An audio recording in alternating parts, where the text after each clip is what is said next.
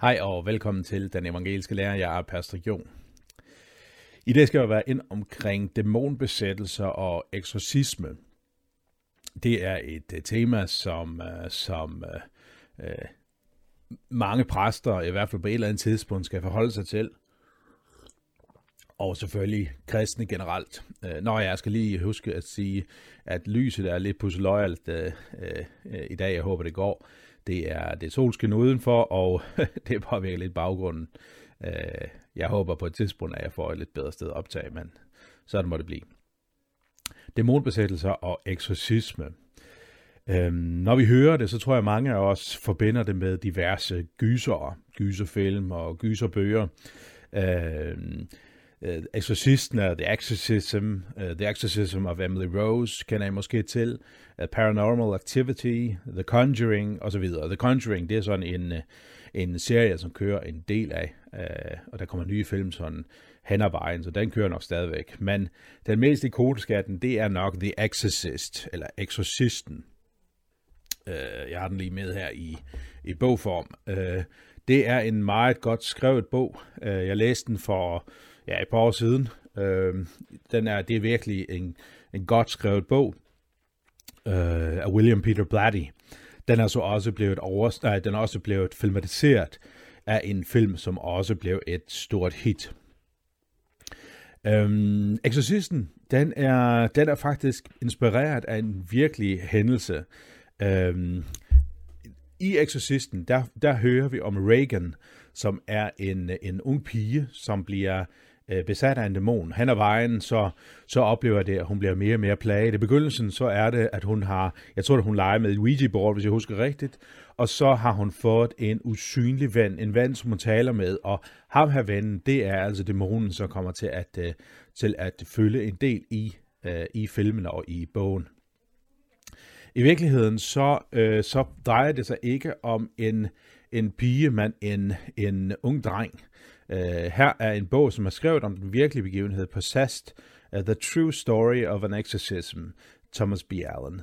Uh, det er altså den historie, som, uh, uh, som The Exorcist, eller Exorcisten, er inspireret af. Uh, det er en meget interessant bog på mange måder.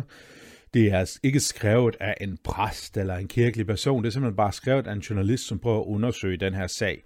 Uh, virkelig interessant og kan, kan anbefales. Det, som jeg synes er meget trist med lige præcis denne bog, øh, eller denne begivenhed, øh, øh, det er, at, at det handler om en dreng, som var medlem af en luthersk kirke. Hans familie var medlem af en, en luthersk kirke, men en luthersk kirke, som svigtede dem. De, de opsøgte hjælp for den her dæmoni, som plagede den, og den her besættelse, som, som, øh, som den her dreng øh, var udsat for. Og de kom til deres lutherske kirke, til præster der, og de kunne ikke få nogen hjælp. En præst synes det var vældig interessant med de her poltergeist-fænomener, men at hjælpe drengen, det kunne han ikke, eller ikke ville, jeg ved det ikke helt. De søgte en anden præst, som, som var en mere moden præst, som ikke turde at beskæftige sig med det. Måske blev han bange, eller måske vidste han simpelthen bare ikke, hvordan han skulle gribe det an. At ende med, så fandt de frem til en jesuiterpræst, en katolsk, romersk katolsk præst, som gerne gik ind i kampen, og han hjalp dem, og han hjalp den faktisk så meget, at drengen blev fri af den her dæmon. De her folk, den her familie, konverterede til den romersk katolske kirke, særligt på grund af det ene, at den lutherske kirke svigtede dem.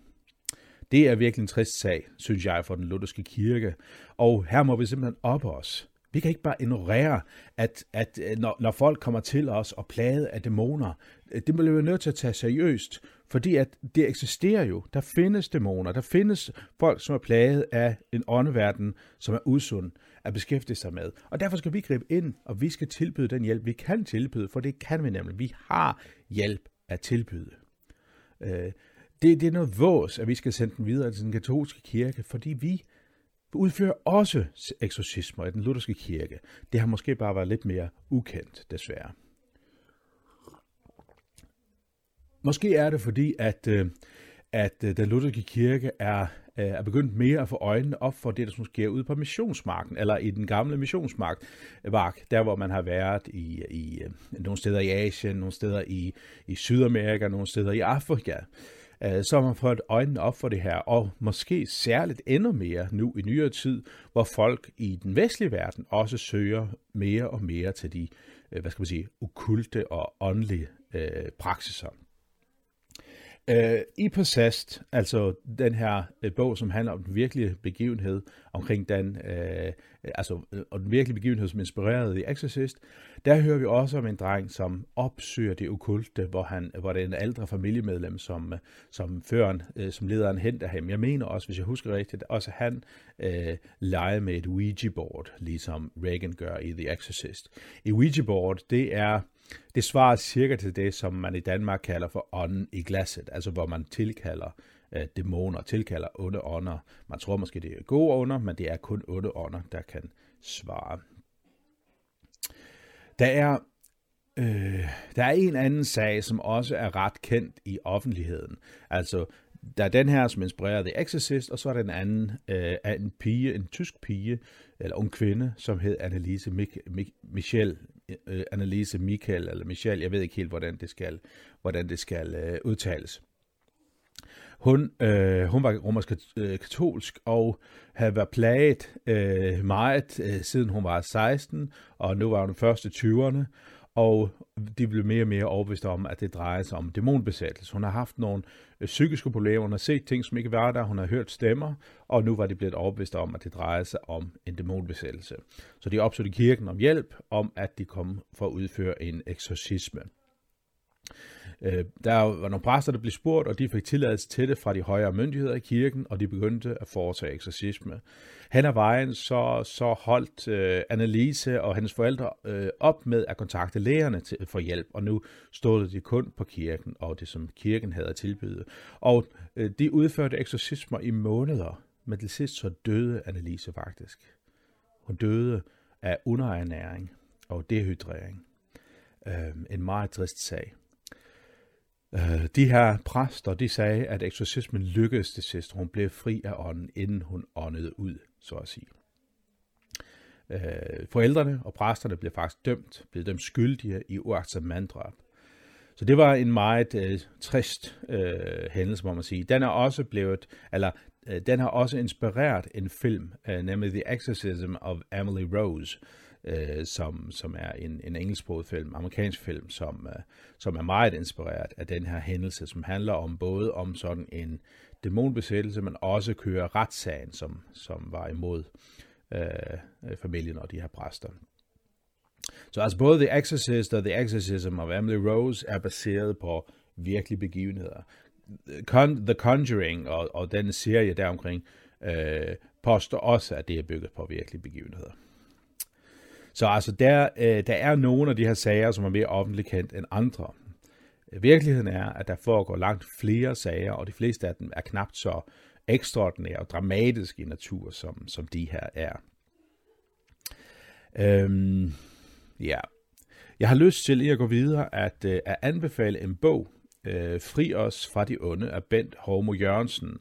Øh, en virkelig god bog, det spørger mig. Det er det bedste, der findes på dansk omkring øh, eksorcisme, og hvordan vi forholder os til det, hvordan vi kæmper imod de her onde ånder.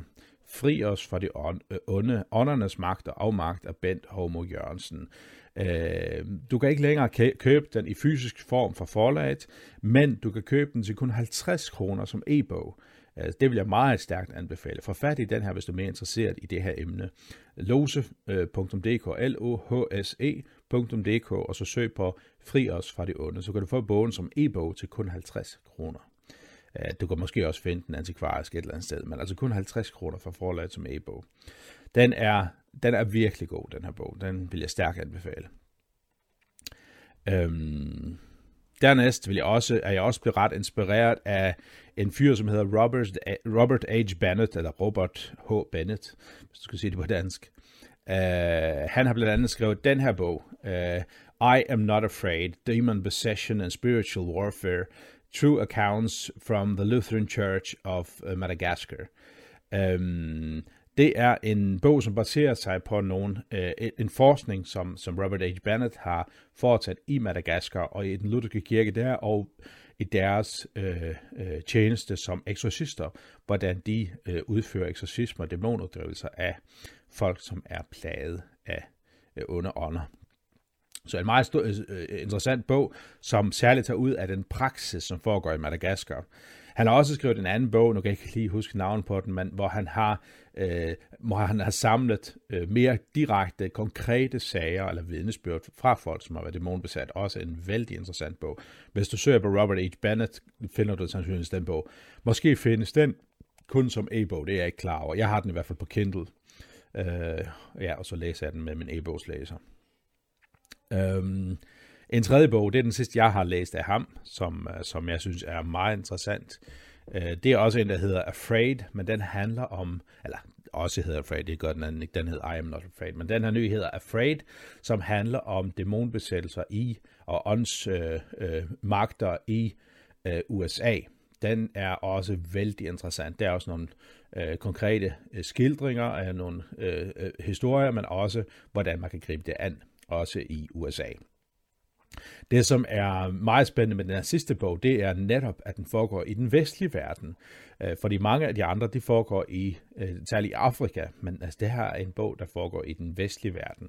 Fri os fra det onde er Bent, øh, den, øh, den tager afsæt i, i nogle erfaringer, han har fra Tanzania, hvor han har været missionær i en årrække og er der igen nu, øh, men også i, øh, i forhold til, hvordan det sker i Danmark. Han har også været præst i Danmark og også været med til at øh, at kæmpe imod øh, øh, øh, åndsmagter, som griber fysisk an i Danmark. Øh, så ja. Men der findes som sagt også øh, mange beretninger fra andre steder i verden. Øh, Bent har noget med fra Tanzania. Øh, her er en gammel sag af Hans Erik Nissen, hvor han har nogle øh, øh vidnesbyrd fra øh, Etiopien, hvor man også hører om, øh, om besættelser. Øhm, Øh, der er også et par danske bøger, som, øh, som er mere i karakter af, af vidnesbyrd, af, af beretninger, som jeg også vil pege på. Øh, den ene hedder Med ført hånd, øh, som er en bog fra, jeg tror det er fra 90'erne. En, en, en meget interessant bog. Nu prøver jeg lige at flytte mig lidt så se, om jeg kan få lyset til at være lidt på en anden måde. Øh, ja, nu må vi se. Øh, med ført hånd, som, øh, som også er en personlig beretning omkring, øh, hvordan øh, øh, en, en kvinde her bliver udsat for øh, dæmoni, hvordan hun bliver angrebet af dæmoner. Det sker ved, at hun har øh, søger kontakt med en, en UFO, eller den, noget i den retning, jeg kan ikke helt huske det, men, og hun får kontakt. Udfordringen er bare, at det er dæmoner, som hun kommer i kontakt med. Øh, en anden bog, som jeg også vil pege på, det er Ånden i hånden, som handler om en kvinde, som opsøger en spokkone, og derigennem får kontakt til den okulte verden, og det ender med, at hun også indleder simpelthen et romantisk forhold til en dæmon. En dæmon, der påstår at være Jesus selv. Ja, eller Gud selv. Ja. Øh, så der var nogle bøger, jeg gerne vil anbefale, og nogle bøger, som også har været med til at inspirere, hvordan jeg ser på det. Øhm, jeg tror mange præster i Danmark, og måske særligt dem, som øh, kommer fra den missionske del af kirken, men jeg tror også andre, er blevet øh, kontaktet i forbindelse med nogen, som oplever hjemsøgelser i huset eller noget lignende. I hvert fald nogle, nogle øh, dæmonske kræfter, som er på spil. Øh, jeg er blevet kontaktet nogle gange, og har også været ud med nogle mennesker, som har været, som har oplevet de her øh, Øh, poltergeist-fænomener. Altså for eksempel har de hørt nogen gå op på, på loftet, når der ikke har været nogen. De har oplevet ting, der har kravlet op ad væggen. De har oplevet, hvordan ting pludselig falder ned fra væggen, som ellers øh, sig fast. De har oplevet øh, øh, dårlige lugter. De har oplevet pludselig en kulde i, i, i, i værelset osv. Altså forskellige øh, øh, øh, sådan poltergeist-fænomener, øh, som indikerer, at her har vi at gøre med en åndelig kraft. Der har jeg været ude og, og bedt for dem og rense deres huse. Øh, øh, ganske få øh, har jeg øh, haft mistanke om også var mere, øh, hvad skal man sige, øh, dæmonisk besatte, altså hvor angrebet ikke kommer ud fra, men hvor dæmonen også er taget bolig i deres krop på en eller anden måde. Øh, ja, så øh, der er en del præster, tror jeg, som har været øh, i sådan nogle situationer. Jeg har i hvert fald nogle gange, og så Øh, Bent ved jeg for eksempel har været nogle gange, og også andre personer, som har været inde i sådan en tjeneste med at udtrykke dæmoner. Jeg føler selv, at jeg øh, godt kunne vide lidt mere om det. Jeg har læst en hel del bøger, og så har jeg en lille smule erfaring, og så har jeg talt med, med andre præster, som har noget mere erfaring end mig, så jeg har fået noget med mig. Øhm, øh, men jeg gad godt, at jeg også var blevet undervist om det øh, i, øh, da jeg læste til præst, fordi det er en tjeneste, vi også er forpligtet på. Ser vi de gamle øh, pastoralbøger fra øh, den danske folkekirke, altså øh, nogle bøger, som, som, som kommer fra den tidlige øh, lutherske kirke i Danmark, så er det også oplagt en del af tjenesten som præst, at man også hjælper dem, som er besatte. Så der har vi altså en tjeneste. Øhm, ja. Yeah. Findes der så dæmoner og dæmonbesættelser, som vi godt kan fornemme, det mener jeg. Men det er der mange forskellige teorier om. Øhm, jeg synes ikke, man, hvis man tager Bibelen for gode varer, så kan man under alle omstændigheder ikke komme udenom, at der findes dæmoner, en satanisk virkelighed, også en personlig satanistisk virkelighed. Altså vi oplever en person, Satan, optræde for eksempel i Edens have, når han kommer som en slange og frister Adam og Eva til at spise af øh, frugten af træet til kundskab om godt og ondt, og sådan vælger de Gud fra og Satan til som denne verdens Gud og fyrste. Vi hører også om, hvordan han øh, angriber Job i Jobs bog, øh, hvordan han er Gud får lov til at angribe Job. Hvorfor, det ved vi ikke, men Job bliver udsat for de her frygtelige dæmoniske angreb. Øh, vi oplever også, øh, hvordan Satan frister Jesus i ørkenen. Øh, øh, så Satan er en personlig virkelighed, som øh, øh, kæmper mod Gud, kæmper mod mennesker for at få os væk fra Guds, øh, øh Guds verden og Guds velsignelse. Og nogle gange lykkedes det også for ham. For eksempel ser det ud som om, at han fik overtalt Judas Iskariot til at, til at vende sig bort fra, fra Jesus. Der står, at en, en ond ånd for i ham. Øh, om, øh, altså han var besat af en dæmon, da han øh, øh, svigtede Jesus. Øh, I den kristne verden, når man på en eller anden måde tør Bibelen for nogenlunde gode varer, så er der to grøfter, som nogen har det med at falde i. Den ene grøft, det er, at man siger, at der findes ingen besættelsersted. Det er ikke fordi, man ikke tror på de begivenheder, som står i Bibelen. Man tolker den bare anderledes. Man siger, at det er oldtidsmennesker, vi har med at gøre, og de så på sygdom på en anderledes måde. Det vil sige, når der var noget, de ikke kunne forklare, så sagde de, at det var en dæmonbesættelse. Altså, når vi har at gøre med en, en person, som er besat, så er der måske nogle gange epilepsi, vi har med at gøre, og andre gange kan det være skizofreni og andre psykiske sygdomme. Men det holder simpelthen ikke. Hvorfor skulle Jesus så uddrive dæmoner, hvis nu det rent faktisk drejer sig om en ganske almindelig øh, øh, hvad skal man, fysisk eller psykisk lidelse?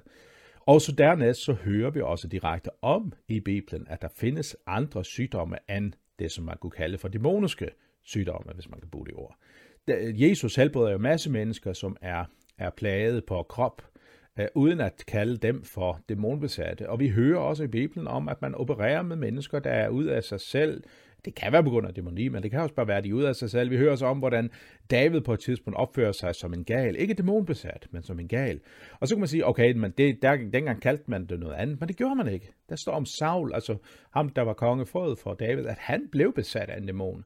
Men altså, der bliver ikke talt om nogen som helst form for dæmonbesættelse, når vi hører, at, at David opførte sig som en gal. Han var, hvad skal man sige, øh, mere sindssyg, har vi med at gøre der.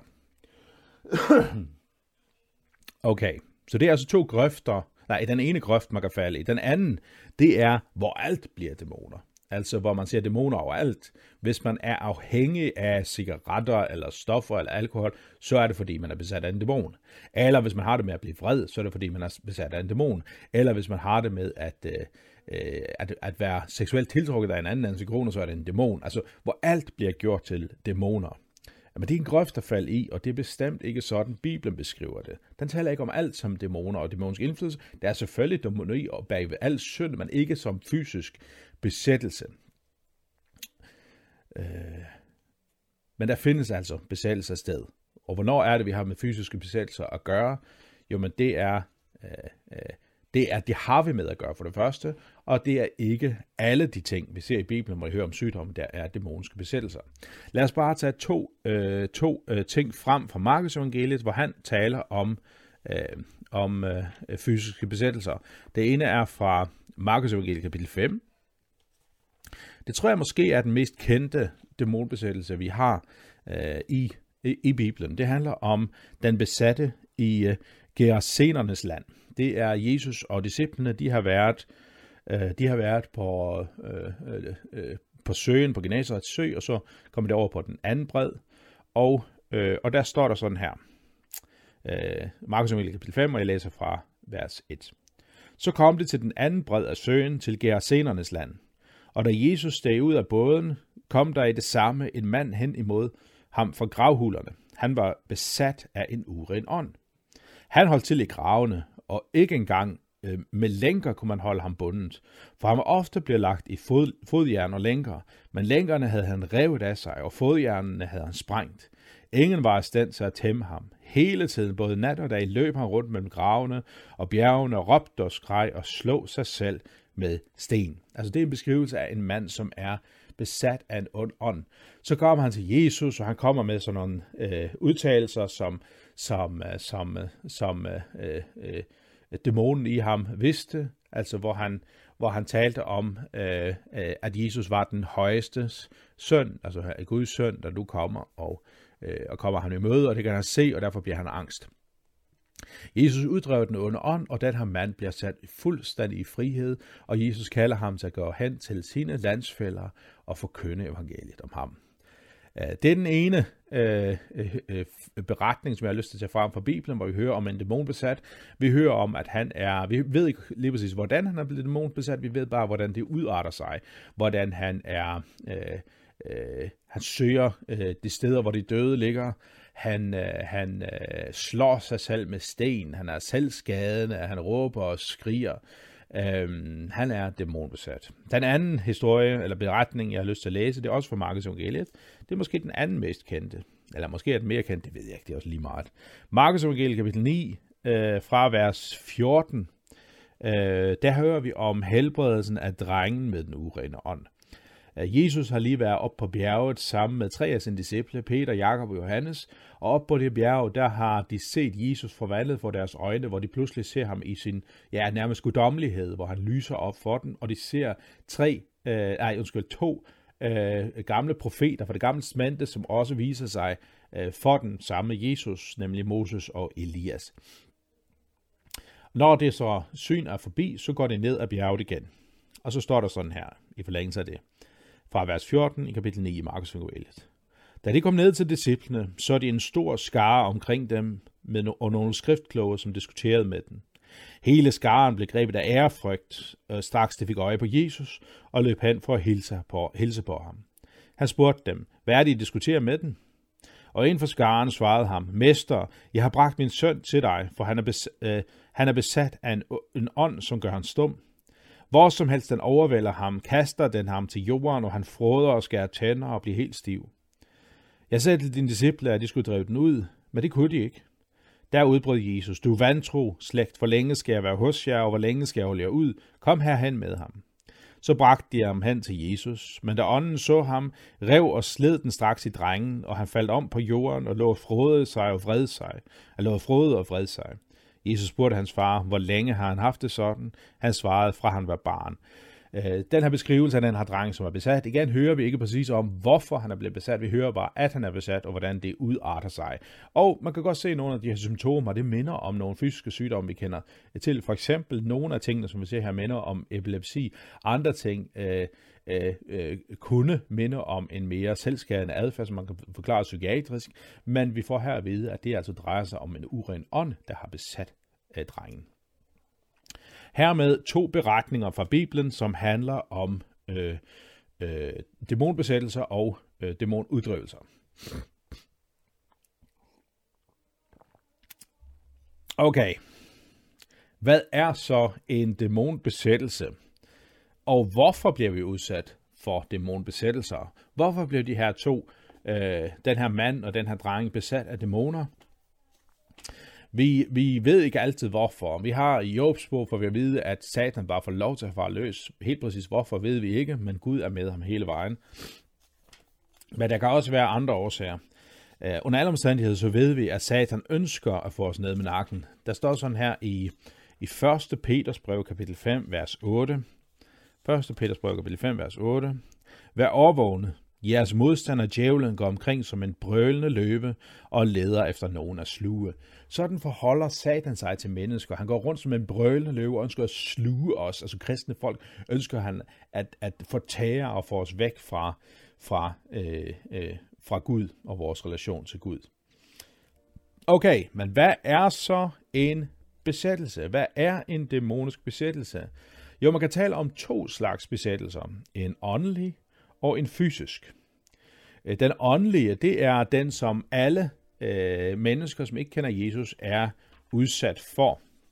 Øh, vi læser igen fra Bibelen, for eksempel fra, vi kan læse fra Efeserbrevet, Efeserbrevet, og så kan vi læse fra kapitel 6, vers 12. Kapitel 6, vers 12 i Efeserbrevet, der står der sådan her. Ti for os står kampen ikke mod kød og blod, men mod myndigheder og magter, mod verdensherskerne i dette mørke, med ondskabens åndemagter i himmelrummet. Det her, det er dæmonisk, dæmoniske angreb og dæmoniske besættelser, som alle mennesker, der ikke kender Jesus, der er, øh, der er under. Altså, øh, selvfølgelig kan man ikke være besat af øh, dæmoniske kræfter som kristen i den her forstand, altså åndeligt set, for det, det handler om, at man er vantro og bøjer sig for denne verdens Gud og denne verdens fyrste. Men kristne er naturligvis også under dæmoniske angreb, rent åndeligt set, i kraft af, af falsk lære, i kraft af mennesker, der, der fører os væk fra Gud, udfører mirakler, som de siger er for Gud, men i virkeligheden er for Satan, og så videre. Denne øh, form for besættelse er det, som vi kunne kalde for den åndelige besættelse.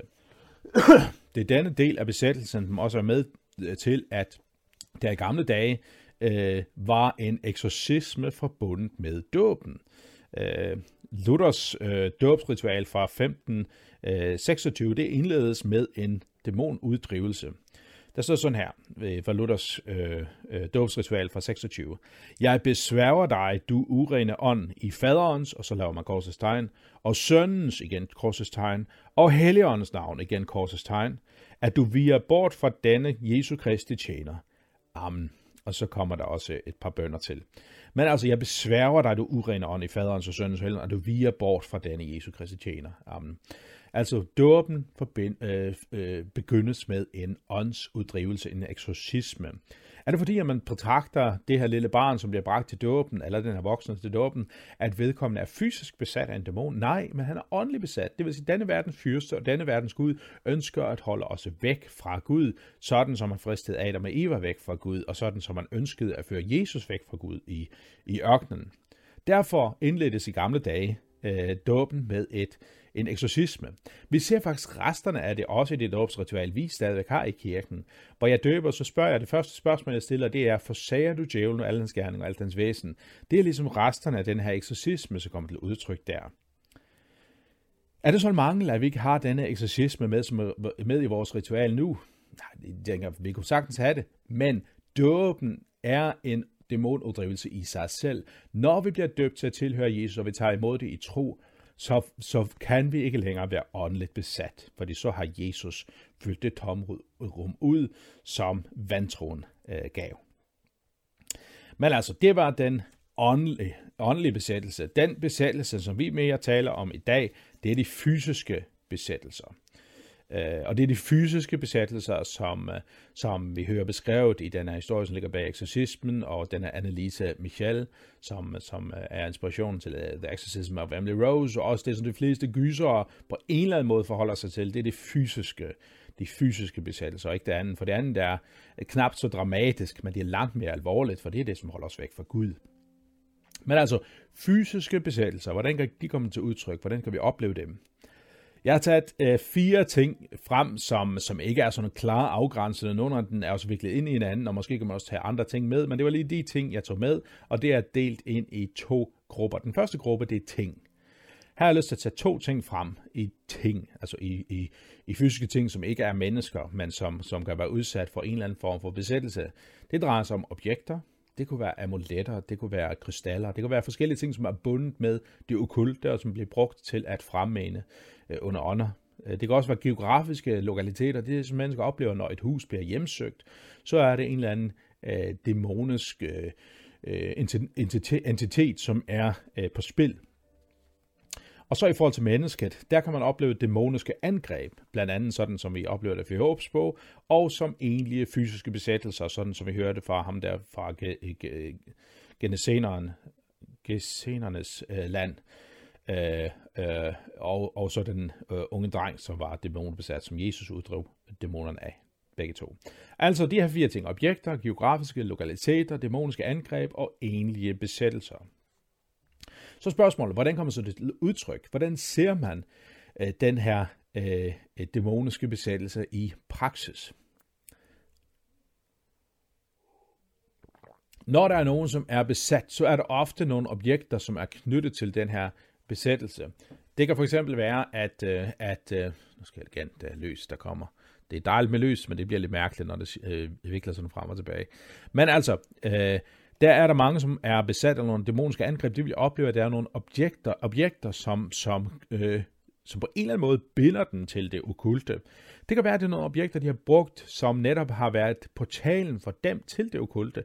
Det kan som sagt være amuletter, det kan være nogle ting, der er kastet en trolddom over, og hvad det ellers kunne være, som, øh, som fører derhen. For nogen så betyder det, at de bliver nødt til at smide de ting ud. Det kunne være nogle øh, masker, der bliver brugt til okulte øh, øh, fremmaninger. Det kan være nogle mønter, som på en særlig måde har været offret til dæmonerne, og hvad det ellers kunne være. Så bliver man nødt til at komme af med de her ting, for at øh, øh, for at også blive fri fra noget af den her dæmoniske, øh, de her dæmoniske angreb og den her dæmoniske besættelse. Øh, måske er det noget af det, som, som vi også øh, hører fortalt i Apostlenes Gerninger, når der står, at de, de smed deres trolddomsbøger på, på bålet. Om det er selve bøgerne, der har knyttet noget dæmonisk i sig, eller det er selve indholdet i bøgerne, det står der ikke noget skrevet om. Men i hvert fald så er der nogle mennesker, som oplever en binding til det okulte, ved at de fastholder og holder fast i, at de stadigvæk bevarer nogle af de ting, som de havde fra dengang de opsøgte de okulte. Så her består besættelsen altså i, at man smider tingene ud, simpelthen, eller brænder den. Øh, hvordan ser det så ud til, når en geografisk lokalitet er udsat for dæmoniske øh, besættelser? Jamen det er netop det her med, at man oplever spøgelser eller hjemsøgelse. Og det kan øh, give sig til udtryk, sådan som jeg også har beskrevet der i starten, når jeg har oplevet det, at, at ting falder ned for væggen, at man hører fodtrin ovenpå, at man oplever en stank eller, eller og så videre. De her mere fysiske manifestationer, man kan opleve. Øh, måske er det det, vi ser mest af, øh, eller det er i hvert fald øh, de gange, jeg bliver kontaktet af nogen, som ønsker at have en præst, der skulle, skulle foretage en eller anden form for uddrivelse, der har det faktisk, jeg tror, hver gang har det været noget i det her. Nej, det har været ikke helt, men øh, flere gange har det været på grund af, af det her. Så man oplever det som, der er noget, noget som spøgelser eller hjemsøgelser. Der findes ikke spøgelser, skulle jeg skulle mig at sige. Der findes kun øh, under ånder, som udgiver sig for at være spøgelser. Øh, og så det egentlige øh, dæmoniske angreb. Øh, øh, det tror jeg kan være meget forskelligt, men vi oplever det sådan ved Jobs bog, hvor Satan slår ham med forskellige lidelser. Sådan kan det også øh, dæmoniske angreb ramme os, hvor vi bliver grebet af, af frygt og måske hallucinationer og sygdomme, altså ting, som bliver påført os udefra, som, hvor nogle af dem godt kunne forklares fysisk eller psykisk, men øh, Satan bruger det til at få os væk fra Gud og for at skabe frygt øh, i os. Og så endelig så har vi at gøre med de egentlige fysiske besættelser, hvor øh, dæmonen så at sige kommer ind i vores krop og kontrollerer vores krop, eller dele af vores krop, øh, ofte i, i, i tidsbegrænsede perioder. Altså sådan, at en person oplever at, at få blackout, hvor dæmonen så at sige har taget over kroppen. Den del har jeg ikke oplevet mange gange, måske kun en eller to gange. Øh, ja. Det er sådan en besættelse, som vi hører beskrevet i den øh, beretning, som ligger bag øh, øh, The Exorcist, og måske er det det, som vi oplever i den der tyske øh, kvinde, øh, Annelise Michael, men jeg har lidt mere svært at se, om det, øh, om det overhovedet drejer sig om besættelse, eller det er rent psykiatri, vi har med at gøre, eller psykisk sygdom. Ja, Øhm, hvordan kan vi så uddrive det onde? Vi har allerede nævnt det der med at smide, at smide ting ud, som knytter til ved det okulte, øh, som har bundet os til det okulte. Øhm, øh, så det er en ting. Det andet er husrensninger, som jeg har været en del ude ved, hvor, eller noget ude ved, en del, det er forkert sagt, men nogle gange. Øh, det drejer sig om, at man kommer til det sted, som er hjemsøgt, og så beder man for de forskellige rum, man beder for dem, der bor der, og man opfordrer dem til at lade Jesus øh, have magten i deres liv. Det er vigtigt. Øh, og så går man altså rundt og velsigner huset, beder for det, synger nogle gode kristne sange, som handler om Jesu magt, og øh, øh, fremsiger trosbekendelsen, forsagelsen, beder fadervor, og så videre. Og ja, så præsten også øh, formaner den under ånd og siger, far ud, øh, øh, vi bort. Øhm, Det vigtige i den her sammenhæng, det er også, at man ikke kan bruge af hvid magi. Øh, det kan man nemt for, for, for sådan en tendens til, at man bruger for eksempel vigevand. Det er ikke fordi, det er forkert i sig selv at bruge vigevand, men man bruger vigevand som en eller anden tryllestav. Man tænker, hvis jeg smider vigevand på, så forsvinder den onde ånd. Øh, eller hvis man beder de rigtige ord, eller inderligt nok, så vil ånden nok forsvinde. Sådan hænger det ikke sammen. Øh, for at forklaring på, hvordan det bør gøres, så læs Matteus evangelie kapitel 6. Her hører vi, hvordan den kristnes bøn er. Det er ikke en bøn med det masser af ord og fine floskler. Det er heller ikke en bøn, som viser sig at være så flot og fin. Nej, det handler om bare at vende sig mod Gud. Det er den kristne bøn. Derfor siger Jesus også, denne, gang, denne slags skal kun fordrives i bøn, og et andet sted i evangeliet, denne slags skal kun fordrives i bøn og faste. Altså det handler om at henvende sig til Gud og lade Gud komme til. Det handler ikke om vores magiske formularer. Vi gør de rigtige ting, men det handler om at lade Gud komme til. Så ikke, ikke med vid øh, øh, magi. Øh, og så er det der med husrensninger, som jeg talte om, og endelig uddrivelser af en person, som er fysisk øh, besat. Øh, her handler det også om bøn, om bibellæsning, om, om gode kristne salmer, om trosbekendelsen og lignende, og at man siger til dæmoner, far ud af ham, du urene ånd. Øhm, her hører vi også om øh, noget lignende i de her bøger, jeg har anbefalet. For eksempel har øh, Bent det med i sin fri os fra det onde, hvordan man kan gribe det an. Vi hører naturligvis også om det i Bibelen, hvordan Jesus øh, griber det an, og hvordan øh, apostlene griber det an. Øh, også de andre bøger fra, fra Bennett, som jeg også talte om, og også de der to andre øh, med ført hånd og ånden i hånden taler om, hvordan det er begrebet an i de to tilfælde. Hvordan bliver man så besat? Jamen det har vi allerede talt lidt om, ikke sandt? Vi ved bare, at Satan går som en brølende løve og ønsker at, at sluge os, ønsker at få os væk fra, fra Gud. Øh, og hvordan blev, kom øh, Job under de her dæmoniske angreb? Jamen det var egentlig, vi ved ikke noget konkret. Vi ved bare, at, at Satan fik lov til det, så der var ikke sådan en konkret årsag. Men nogle gange er der en årsag. Øh, øh, Efeserbrevet kapitel 4, vers 27. Efesus 4, vers 27, der står sådan her. Giv ikke plads for djævlen. Giv ikke plads for djævlen. Vi kan give plads for djævlen. Og hvordan gør man det? Jamen, det gør man for eksempel ved at opsøge de okulte. Det så gør man ved at besøge en sportdame, sportdame, sportdame som øh, kun kan øh, øh, komme med en sport om, hvis hun søger det fra dæmonerne, eller at man opsøger de døde ved, via et medium. Det er også en måde, man opsøger det onde. Det kunne være løg ånden i glasset og diverse andre ting, hvor man øh, øh, øh, giver djævlen rum. Når man gør det, så åbner man sig op for en åndelig verden, som er farlig. Øh, og det kan føre til hjemsøgelser, det kan føre til besættelser, så hold op med det. Øh, okay.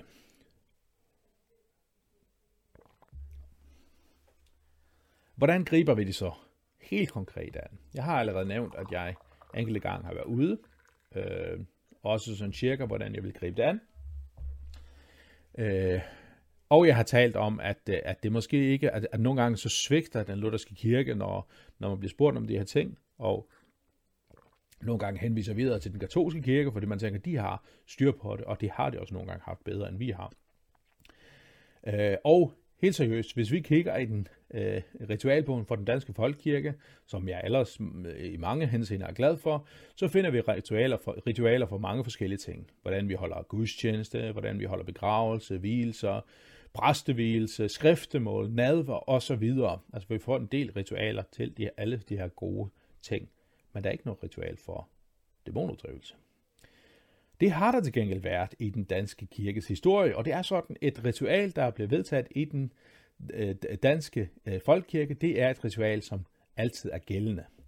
Øh, som, som en, en, en tommelfingerregel, så holder øh, et ritual ikke op med at være et ritual, autoriseret ritual i folkekirken, hvis det er blevet brugt en gang. Selvfølgelig kunne der være situationer, hvor man tænker, det her kan vi ikke længere stå inden for, fordi der er en vranglærer, der er kommet ind. På den måde er vi ikke øh, samme slags traditionalister, som det romersk-katolske er, men øh, normalt, når det er et ritual, som bliver brugt, så gælder det stadigvæk. Og her har vi faktisk ritualer for dæmonuddrivelse. Vi har allerede fra, øh, fra Luthers hånd, som jeg taler om, øh, eksorcisme i forbindelse med dåben, men vi har også de mere konkrete ritualer i forhold til, og vejledninger i forhold til de fysiske øh, besættelser, som vi har med at gøre, som ikke handler om de her åndelige besættelser, men om de fysiske besættelser, som giver sig til udtryk for eksempel i hjemsøgelser og i øh, tab af kontrol over øh, ens krop. Øhm, I 1547, og nu er vi altså rigtig mange år tilbage i tiden, ikke også? Det er kun 17 år efter, at... Øh, nej, 17, nu kan jeg ikke helt huske. Måske tager jeg fejl. Det er i hvert fald ikke særlig mange år efter, at, øh, at øh, den lutherske tro er blevet indført i Danmark. Og her har en af lederne i den danske kirke, han var øh, øh, biskop, jeg mener han var biskop over København og Sjælland, Peter Palladius, øh, øh, han var vist også øh, øh, rektor for Københavns Universitet, det kan jeg ikke helt huske. Men i hvert fald en vigtig ledende figur i den kristne kirke. Han kommer med en vejledning omkring, hvordan man skal udføre dæmonodrivelser. Øh, det første, han siger, det er netop, en, at han taler imod den her hvide magi. Han siger, at Øh, han har oplevet, at der nogle gange er folk, som beder om, at der må komme nogen og uddrive dæmoner. Og han har ikke hjerte til at sige nej. Øh, og de opsøger nogle gange eksorcister. Og han siger, at det er fair nok, så længe det gør det ordentligt og ikke gør brug af hvid magi. Øh, det er ikke de ord, han bruger. Men altså, og der er det, så han taler imod øh, nogle af de her ritualer, som har været i den romerske kirke. Jeg ved også, at i dag Øh, er der også romersk katolske, som tager afstand fra den måde, det gjorde det på i middelalderen, hvor de også kan finde på at sige, at der var noget hvid magi øh, blandt inde i det. Og selvfølgelig findes der ikke hvid magi, det er bare sådan, man kalder det. Jeg er kun med magi, og den er altid sort. Øhm, men altså, øh, på det tidspunkt siger Peter Palladius, at det, kan du, det skal du ikke gøre brug af, for noget vås. Det får ingen øh, dæmon væk.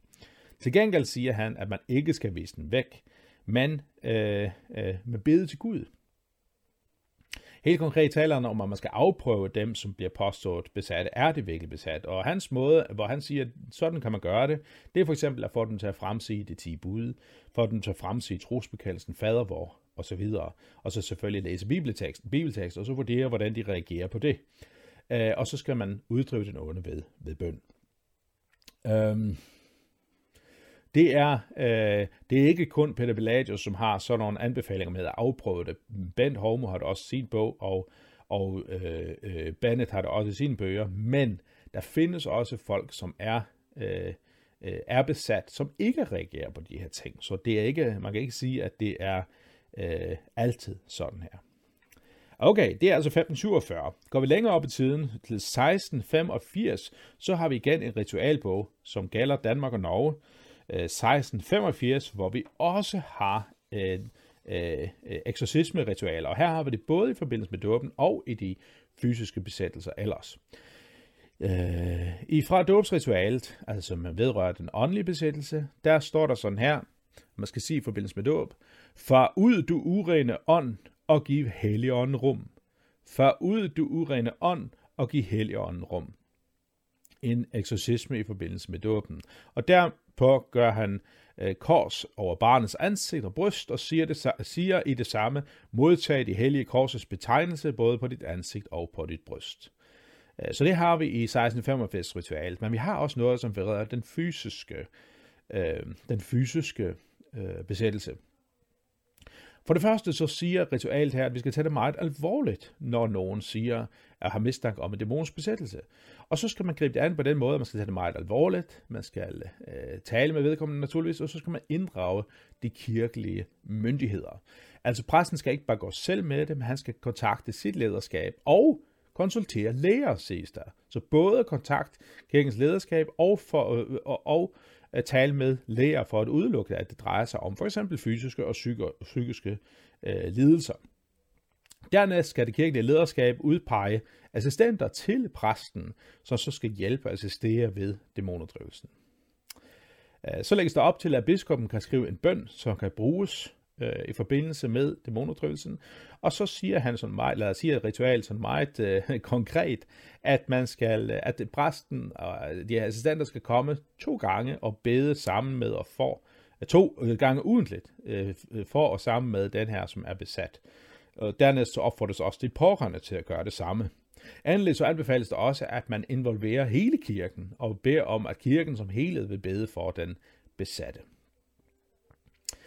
Øh, uh, ritualet her taler også en lille smule om, hvorfor man er blevet besat. Og her tales der om to ting. Det ene, det er, at det ved man ikke, at det, det er en from person, som bliver besat.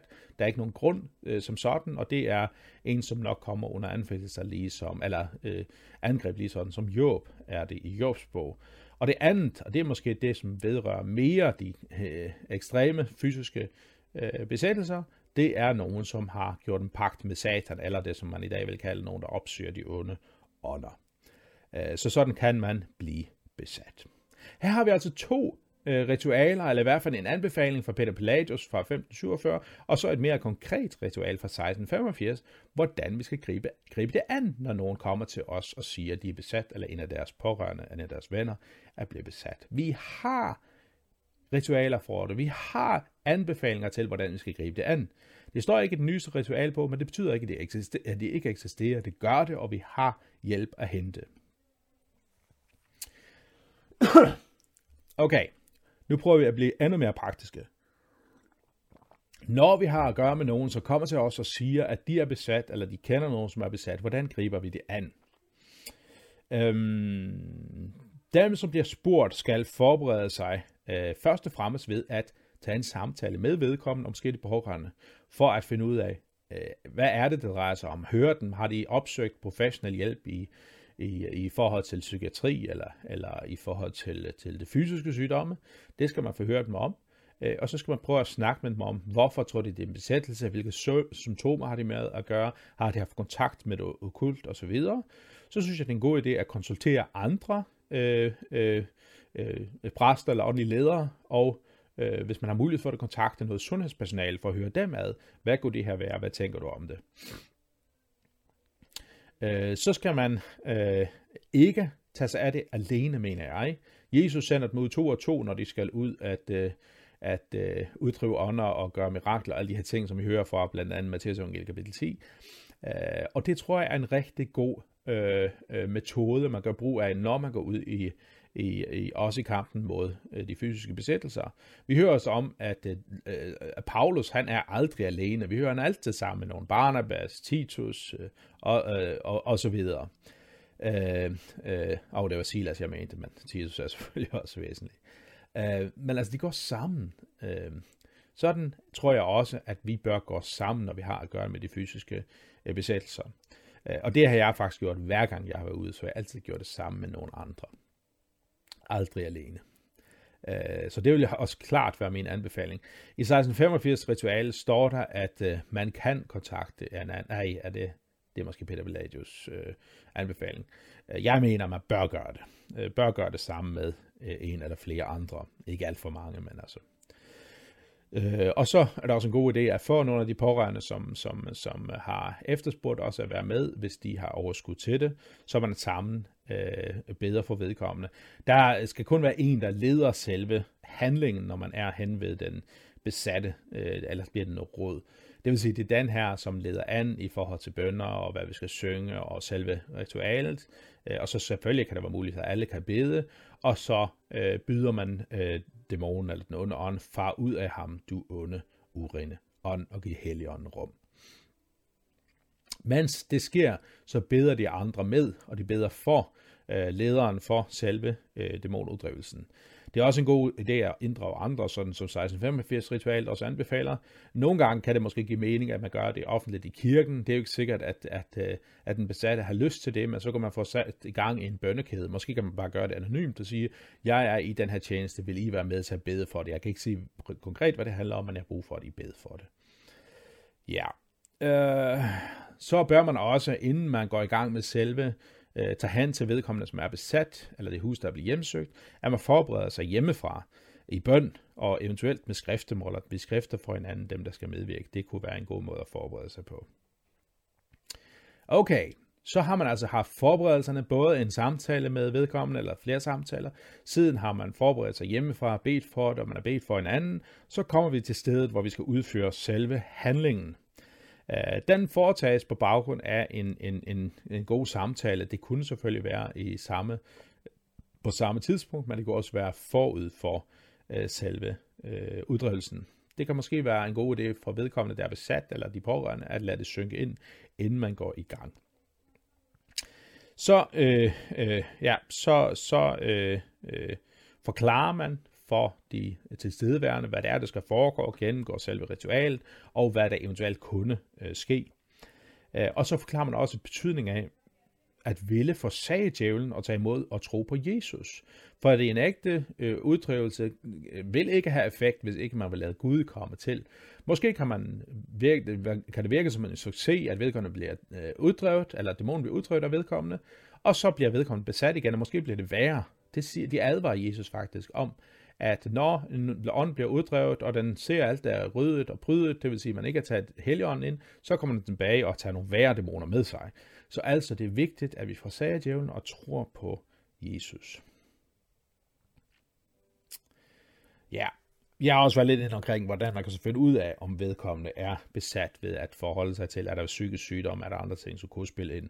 Men der er også, ja, og så også det her med, at man kunne få vedkommende, ligesom som øh, Peter Palladius taler om det, få vedkommende til at fremsætte sige bud, trosbekendelsen osv. Men der er også nogle indikationer, som, øh, som, øh, øh, som man kan, kan tage frem. C.F.W. Walter, en, en meget vigtig karakter i en af de konservative øh, lutherske kirker i USA, han har i sin bog Pastoral Theology, øh, nævner han nogle indikationer på, øh, at vi har at gøre med en person, som er dæmonbesat.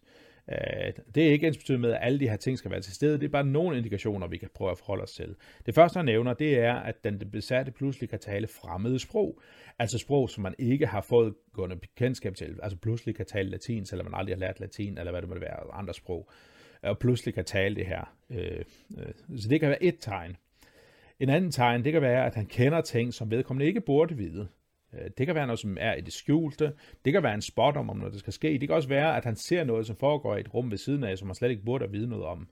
Så det kan også være en indikation af, at vi har at gøre med en dæmonbesættelse. Det kan også være tale om en, som har ekstraordinære kræfter. Det er det, som vi hører om ham der, som, som, som bliver besat, som Jesus uddriver de her mange dæmoner af. Altså en, der får ekstraordinære kræfter. Øh, det kan også være, at øh, øh den fjerde ting, jeg nævner, det er, at, øh, at øh, den besatte øh, kan au, øh, give autentiske gengivelser af fugle og dyrlyd. Altså, at det kan lyde fuldstændig som, som det, der er dyr, uden at man har øh, organerne til at kunne gøre det. Øh, femte ting, jeg nævner, det er vulgært sprog. Man kan naturligvis have vulgært sprog, uden at de er dæmonbesatte, men det kan være en indikation af, at vi har at gøre med en dæmonbesat. Måske hvis det er en person, som i forvejen plejer at være ret sød og, og from og, og, og have et pænt ordentligt sprog, så pludselig taler i de her vulgære øh, øh, termer. Det sjette, jeg nævner, det er unaturlige eller monstrøse bevægelser. Øh, det kan også være en indikation af, at vi har at gøre med en dæmonbesættelse. Nummer syv, frygtelige skrig. Uh, nummer 8, Guds bespottelse, og man håner andre mennesker. 9, raseri og vold. Igen, jeg kan se flere af de ting, det kan også være indikationer på noget andet, men det kan også være med til at indikere, at vi har at gøre med øh, dæmonbesættelser. Bandt har i sin bog Frias for det onde også nogle ting med i på side 80. Der nævner han, det første han nævner, det er noget, der minder om anbefalingen, som Peter Pelagius kommer med, altså at man kan se, hvordan de reagerer på, på øh, når Jesus bliver præsenteret med den, for eksempel for lovsang og bøn og Bibelen, advaren og så videre.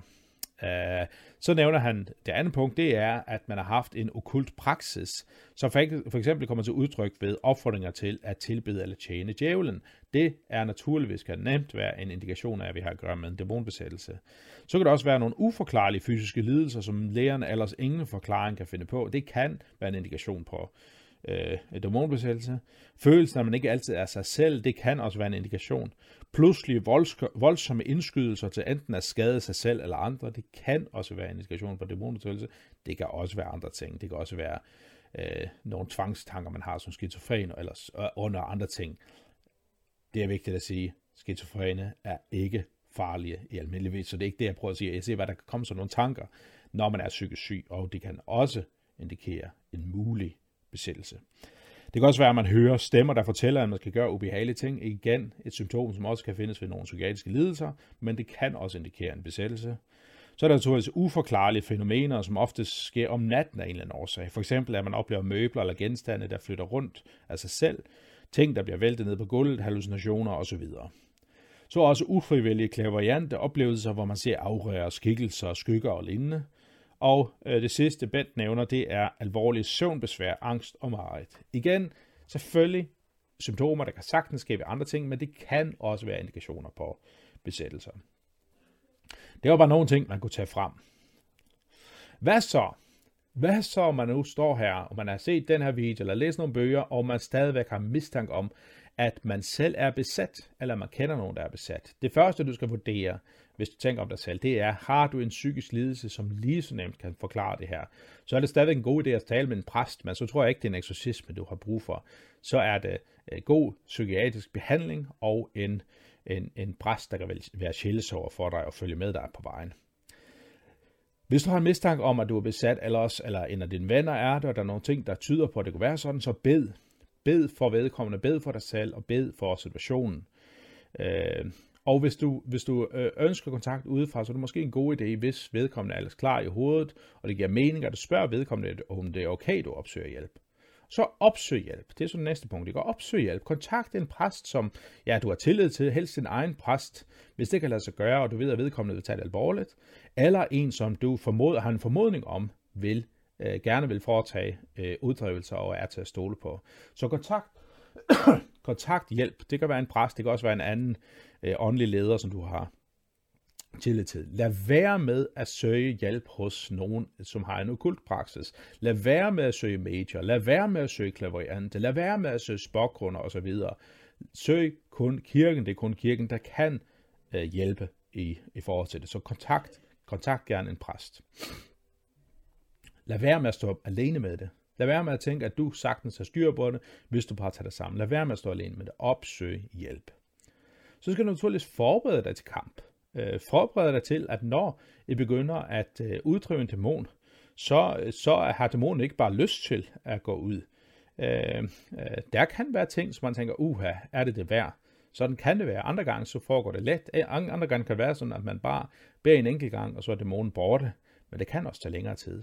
Enkelte gange, og det hører, ser det ud til at tilhøre, at høre til sjældenhederne, det er, at det kan tage uger eller måneder. Øh, det vigtigste, du har, at, at det vigtigste, du skal huske på, og den, der skal stå med en udtryk, skal huske på, det er, at Gud altid er den stærkeste. Lige meget hvad, han er altid den stærkeste. Kai Munk skriver meget fint om det i sin øh, salme, Du ved det nok, mit hjerte. Den lyder sådan her. Du ved det nok, mit hjerte. Du ved, at Gud er stor. Men stor er og hans fjende, så tit du det er for. Hvad land, så får du kæmpe, og tro trods fald og bud. At stor er vel Guds fjende, men større er dog Gud. Et par andre sange, jeg har lige lyst til her på faldrebet at, øh, at pege på, som, som giver øh, øh, god mening at tage med, når vi har at gøre med øh, uddrivelser. Det er faktisk flere af, af Luthers salmer, men jeg har bare lyst til at pege på en enkelt en af dem. Behold os herre ved dit ord. Den er nummer 337 i den danske salmebog. Nummer 337. Der findes også i andre sangbøger, men nu er det lige salmebogen, jeg har den fra. Behold os herre ved dit ord. Trods dine fjenders løgn og mor, som styrte vel fra tronen ned, din søn var drot i evighed. Bevis din magt, o Jesus Krist, som alle herres herre est. Beskærm din arve kristenhed, det er et navn til pris i evighed hvor trøster Gud, Gud Helligånd, for en Guds folk i fredens bånd. Stad med os i vores sidste nød, led os til livet fra vor død. Sådan er der nogle fantastiske salmer, øh, som, som kan være med øh, til, øh, at, at, at som vi kan bruge som bønder i forbindelse med det her, men også bruge under selve handlingen. Luthers sange er rigtig gode. Der er også en enkelt nyere sang, jeg har lyst til at pege på, som, som, som er en rigtig god sang at bruge i den anledning, og måske særligt for dem, som står for øh, øh, uddrivelsen. Det er en sang, der er skrevet af Stuart Townend og Keith Gatty. Nej, nu skal jeg lige se, om det er rigtigt. Øh, jeg siger noget det linjen, jeg nævnte der. Stuart Townend og Keith Gatty, jo, og så har Jens Lomborg øh, oversat den det er en sang, som hedder Guds menighed, tag Herrens rustning på. Den står øh, blandt andet i sange og salmer, som er udgivet af øh, nogle missionsorganisationer i Danmark, for eksempel Indre Mission, Luthers Mission og Evangelisk Luthers Mission. Øh, og der er den nummer 561, Guds menighed, tag Herrens rustning på. En, en dejlig, rigtig dejlig sang, som tager udgangspunkt i de vers, jeg vil læse øh, øh, her til, til slut. Uh, inden jeg læser det, så har jeg bare lyst til at minde om, husk at opsøge kontakt, hvis der er mistanke om sådan nogle ting. Du, uh, stå, du er ikke alene med det, og bør ikke stå alene med det, så opsøg kontakt. Um, du kan godt opleve, at hvis du kontakter nogle præster, der er nogle præster, der vil sige, nærmest at du er skør i hovedet, der vil sige, sådan noget tror de ikke på, eller vil sige, at det har de ikke, tør de ikke at gå i gang med. Måske vil de hjælpe dig videre til en, som vil, eller også så må du prøve at se, om du kan finde en anden, som, øh, som gerne vil hjælpe til med det. Men altså, det jeg har lyst til at læse her til sidst, som handler om, øh, hvordan vi kan beskytte os imod de her angreb, det er Efeserbrevet kapitel 6 fra vers 10. Og det er det, som Guds menighed tager Herrens rustning på, altså den der sang, øh, øh, handler eller er bygget på. I øvrigt, vær stærke i Herren og i hans mægtige styrke. I fører Guds fulde rustning, så I kan holde stand mod djævelens sniløb. Til for os står kampen ikke mod kød og blod, men mod myndigheder og magter, mod verdensherskerne i dette mørke, mod ondskabens åndemagter i himmelrummet. Tag derfor Guds fulde rustning på, for at I kan stå imod på den onde dag, overvinde alt og bestå. Så stå der fast, spænd sandhed som bælte om lænden, og ifør jer retfærdighed som brynje, og tag som sko på fødderne villighed til at gå med fredens evangelium. Og alt skal I løfte troens skjold, hvormed I kan slukke alle den ondes brændende pile. Grib frelsens hjelm og åndens svær, som er Guds ord. Under stadig bøn og anråbelse skal I altid bede i ånden, og holde jer vågne til det, og være altid udholdende i forbøn for alle de hellige. Efeserbrevet kapitel 6, vers 10-18. Fri os fra det onde. Den kan købes for 50 kroner inde på lose.dk, l o h s e.dk. En rigtig god bog, som handler om øh, øh, dæmoniske besættelser og om, hvordan vi kan kæmpe imod det onde.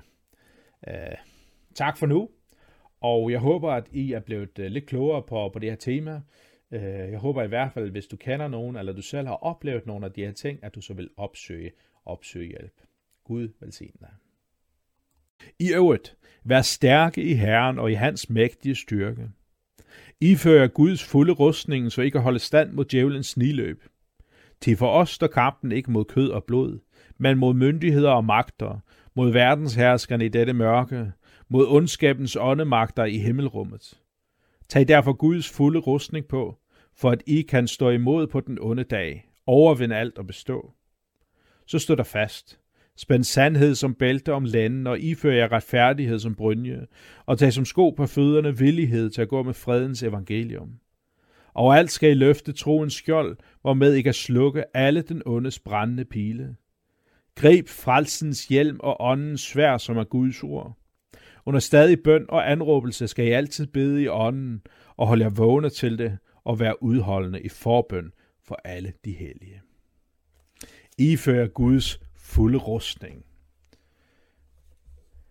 Jeg håber, at I fik noget at tænke over. Jeg håber måske også, at I blev lidt klogere på det her med dæmonuddødelse, og i hvert fald fik frimodighed til, hvis I kender nogen, som oplever de her ting, eller du selv oplever det, så opsøg hjælp. Opsøg hjælp, og lad nogle andre også være med til at bære jeres byrder. Gud velsigne dig. Og hold jer vågne til det, og vær udholdende i forbøn for alle de hellige. I Guds fulde rustning. Jeg håber, at I fik noget at tænke over. Jeg håber måske også, at I blev lidt klogere på det her med dæmonuddødelse, og i hvert fald fik frimodighed til, hvis I kender nogen, som oplever de her ting, eller du selv oplever det, så opsøg hjælp. Opsøg hjælp, og lad nogle andre også være med til at bære jeres byrder. Gud velsigne dig.